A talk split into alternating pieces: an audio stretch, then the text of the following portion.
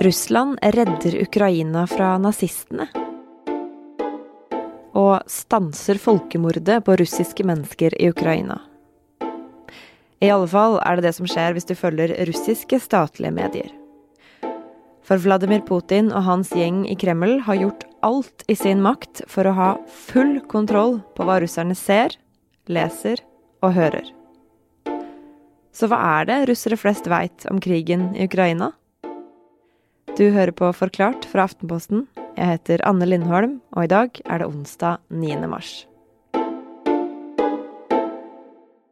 I dagene etter at krigen startet, så, så var det jo nesten en utapå deg sjæl-opplevelse å gå inn og følge russiske medier.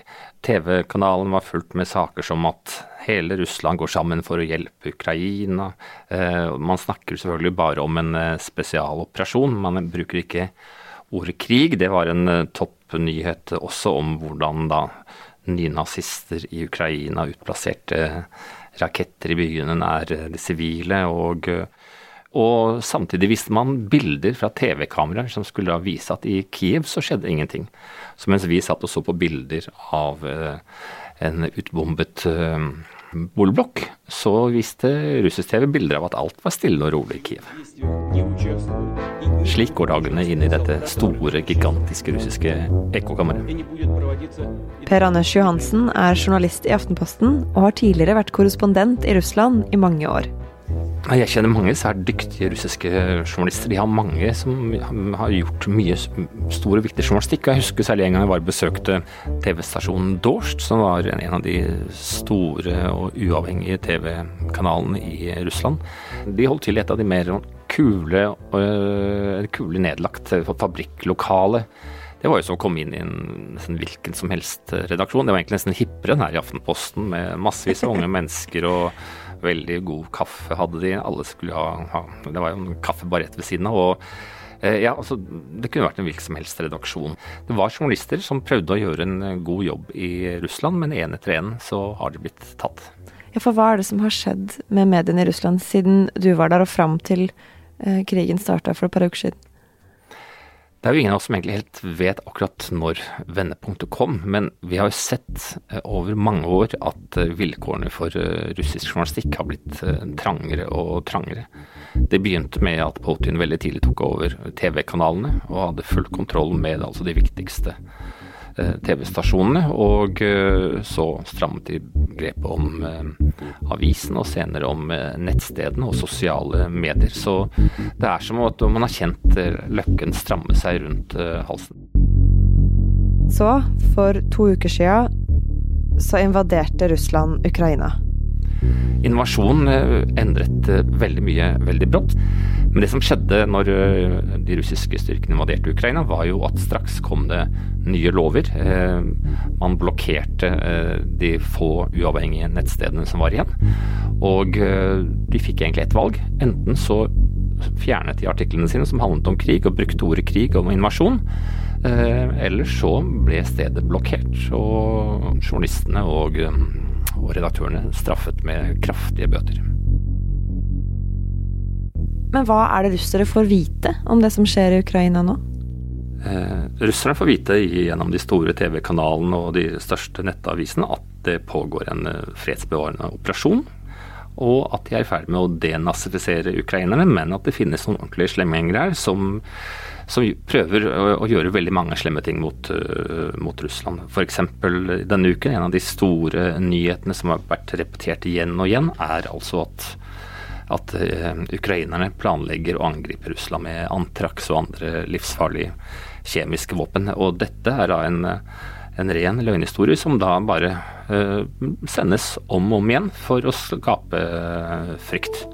Men russere som virkelig har lyst til å skaffe seg informasjon, de kan finne det.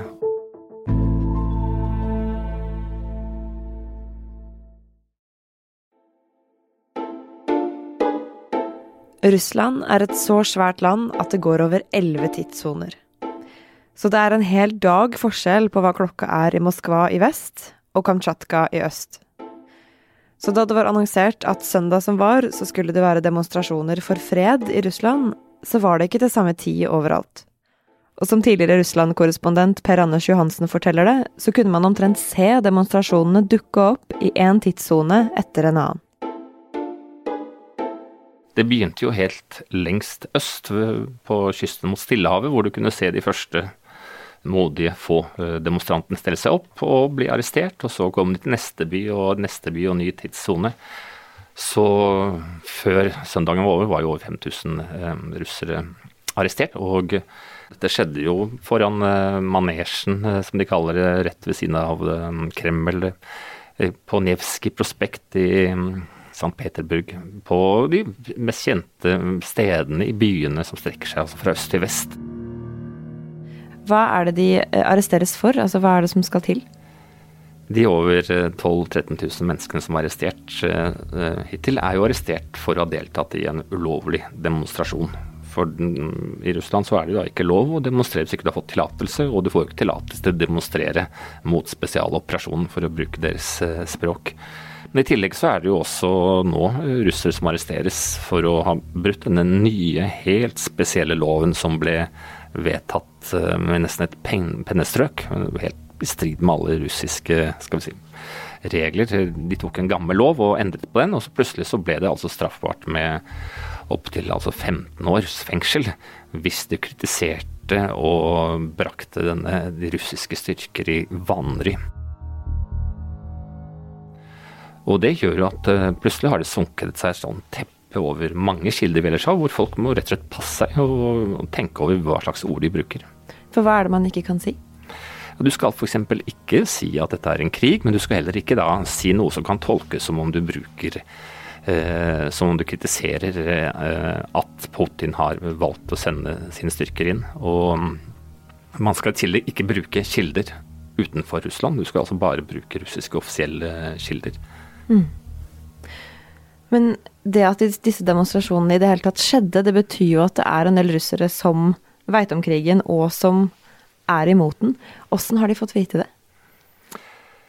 Hvis vi nå går inn på og ser på de mest populære appene i eh, Russland nå, som er gratis, så viser det at 11 av 15 apper er jo VPN-apper. Altså en, eh, som gir deg tilgang til en tjeneste som gjør at du kan, du kan lese ting som eh, er blokkert, og hvor man da ikke kan se hvor du befinner seg, så du kan lese anonymt. Så unge russere, og dem er det, mange av de følger med på dette her. Og de bruker dette ikke bare til å skaffe seg nyheter, men de gjør det for å kunne kanskje se Netflix, som jo kanskje blokkeres nå, til å få tilgang til, eh, til musikk og sine kilder. Eh, F.eks. Eh, snakke med venner på Facebook eller, eller Twitter. Så de bruker altså VPN for å omgås egentlig hele det her eh, maskineriet til Putin, da, som har prøvd å stenge ned alle muligheter til å få annen informasjon enn den han formidler? Det har jo vært en våt drøm for Kreml eh, i mange år, helt siden de skjønte at det var ikke nok å ha kontroll med TV, de må ha kontroll med internett også. Og kunne rett og slett stenge hele det russiske nettet av og klippe av ledningene. Men eh, Putin eh, og Kreml vet jo at så lenge det finnes eh, russere som har tilgang til internett, så vil det også finne, finnes mennesker som kan sette seg inn i hva som skjer, eh, hvis de virkelig vil. Så krigen i Ukraina handler ikke bare om hva som skjer i Ukraina. Det handler minst like mye om å styre informasjonen. Dette er jo en informasjonskrig på alle mulige måter, for det dreier seg jo om å overbevise eh, russere flest om at dette her er en fredsbevarende operasjon som var helt nødvendig. Det var ikke noen vei utenom. Og dette er jo et verdensbilde som Putin og Kreml har eh, bygget opp i mange år. Alle de tingene som vi hører Putin si nå på TV-skjermen, og som jo sjokkerer eh, det meste av verden, er jo ting som har stått i skolebøkene til eh, russiske barn i mange år. Dette er ting som har vært gjentatt på disse historiske um, parkene deres som er bygget i hver eneste store russiske by, hvor man får høre at Russland er, en, er en, en, stat, en nasjon, som nærmest har Gud på sin side, som har en nærmest historisk gudegitt oppgave. De er sivilisasjonens voktere, og særlig nå hvor den vestlige verden forfaller til en løgnaktig, liberal fullstendig homofil verden, det er jo dette bildet som tegner, så er det altså Russland de som skal holde Guds ord oppe. Og, og det er en historie om urett, en følelse av at hele verden er mot dem som har vært gjentatt og gjentatt og gjentatt i årevis i dette ekkokammeret. Går det an å si hvem som leder informasjonskrigen? Altså Hva som skjer i, i vanlige russers hode nå, eh, det lurer jo mange på. Fordi at vi er jo det merkelige dilemmaet i krigen at det virker som om man jo her i vest har bare ett håp, og det er at, at uh, Russland stopper, at Putin stopper krigen og at det skal være et eller annet form for press i det russiske samfunnet som gjør at han, han snur. Og eh, ja, etter min mening så tenker jeg at det er en veldig Da, da er vi jo veldig optimister, eh, fordi at eh, det er faktisk ingen som faktisk vet hva den russiske befolkningen tenker. Vi har ikke noen meningsmålinger å forholde oss til. Vi har ikke Eh, vi har ikke de samme kildene som vi har her. Og hvis de mente noe, så ville det være farlig for mange av dem å si, si hva de mener. Men eh, for å holde et så stort land, mangfoldig land som Russland, i sjakk, da, i frykt, så må uh, Putin gjøre befolkningen redd og engstelig. Og han må true de få som sier fra, til taushet. Og spørsmålet er om han klarer det. det. Det er et stort spørsmål, men jeg tenker at vi vi har ikke, er, vi har ikke mye å skal vi si, feste vår lit til hvis vi tror at eh, det er russerne selv som skal, skal nærmest gjøre opprør og si fra at nok er nok. Det tror jeg ikke skjer med det første. Men Veit vi ingenting da, om hva vanlige russere egentlig veit eller mener om krigen? Altså det, vi, det, lille vi vet om hva russere flest mener, er jo målingene til denne uavhengige institusjonen Levada. Og de har i mange år gjort veldig grundige undersøkelser. De går jo rundt og spør folk, ikke på telefon eller på internett, men altså ansikt til ansikt. Og øh, den siste målingen de presenterte, som da ble tatt opp bare noen dager før krigen, viste jo at øh, andelen som svarte at de syntes Putin gjør en god jobb, økte ganske kraftig i altså ukene frem mot krigen. Over 70% av de spurte sa at de mente at Putin gjorde en eh, god jobb. Og um, vi så etter, uh, uh, etter annekteringen av Krim at da steg også Putins popularitet veldig kraftig. Men om dette betyr at de nødvendigvis støtter etter krigen, det er en helt annen sak. Og det blir spennende å se om Levada helt tatt vil være i stand til å kunne gjøre noen målinger. For hvordan kan de gjennomføre målinger når de ikke får lov til å nevne ordet krig? Da må de spørre hva synes du om uh, militær operasjon, og, og, hva skal i så fall folk svare, når de vet at det faktisk er, kan være straffbart å kritisere krigen. Så hva russere flest egentlig mener om det som skjer rundt her, det er, en, ja, det er mange som lurer på.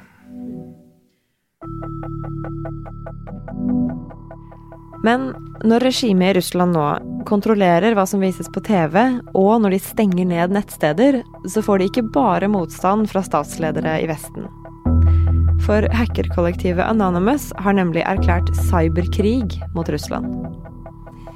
Hackernettverket Anonymous har erklært krig mot eh, Putins Russland og oppfordrer alle The online group known as Anonymous declared a cyber war against the Russian government and Vladimir Putin himself. They've already targeted more than 1500 Russian websites, including Kremlin-controlled news agencies. Det Hackere har jo prøvd nå å faktisk eh, bruke russernes egen medisin på mange måter ved å gjennomføre såkalte sånn DDoS-angrep, altså hvor man rett og slett får massevis av PC-er til å gå inn på nettstedene, visse russiske nettsteder samtidig.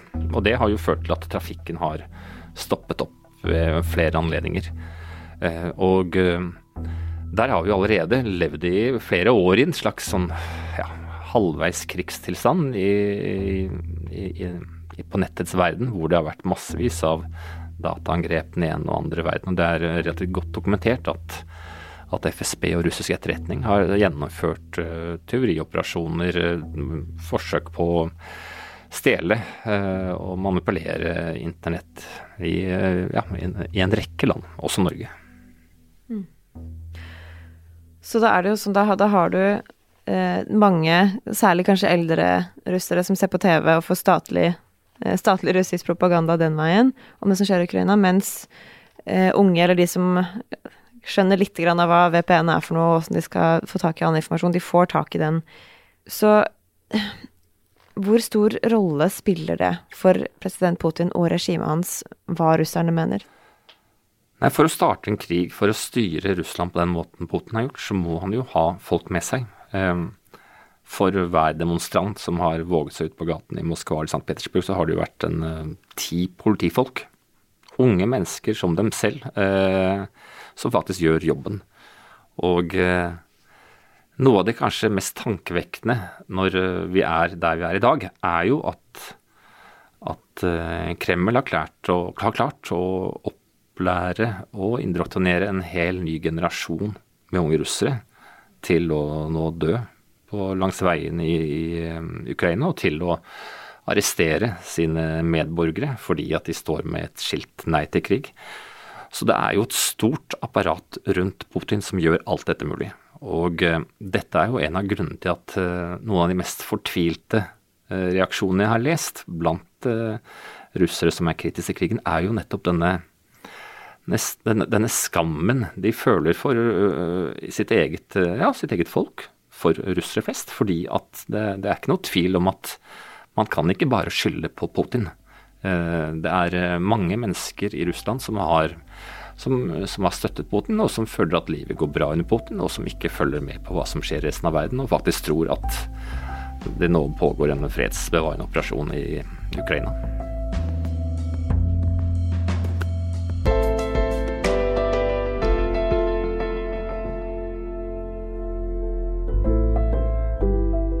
Du har hørt Per Anders Johansen snakke om Vladimir Putin sitt ekkokammer. Det var Ulla Rafaelsen og jeg, Anne Lindholm, som lagde episoden. Resten av Forklart er Jenny Førland, Fride Næss Nonstad, Anders Weberg, David Vekoni, Synne Søhol og Marte Spørkland. Du hørte lyd fra NBC, NRK og CNBC.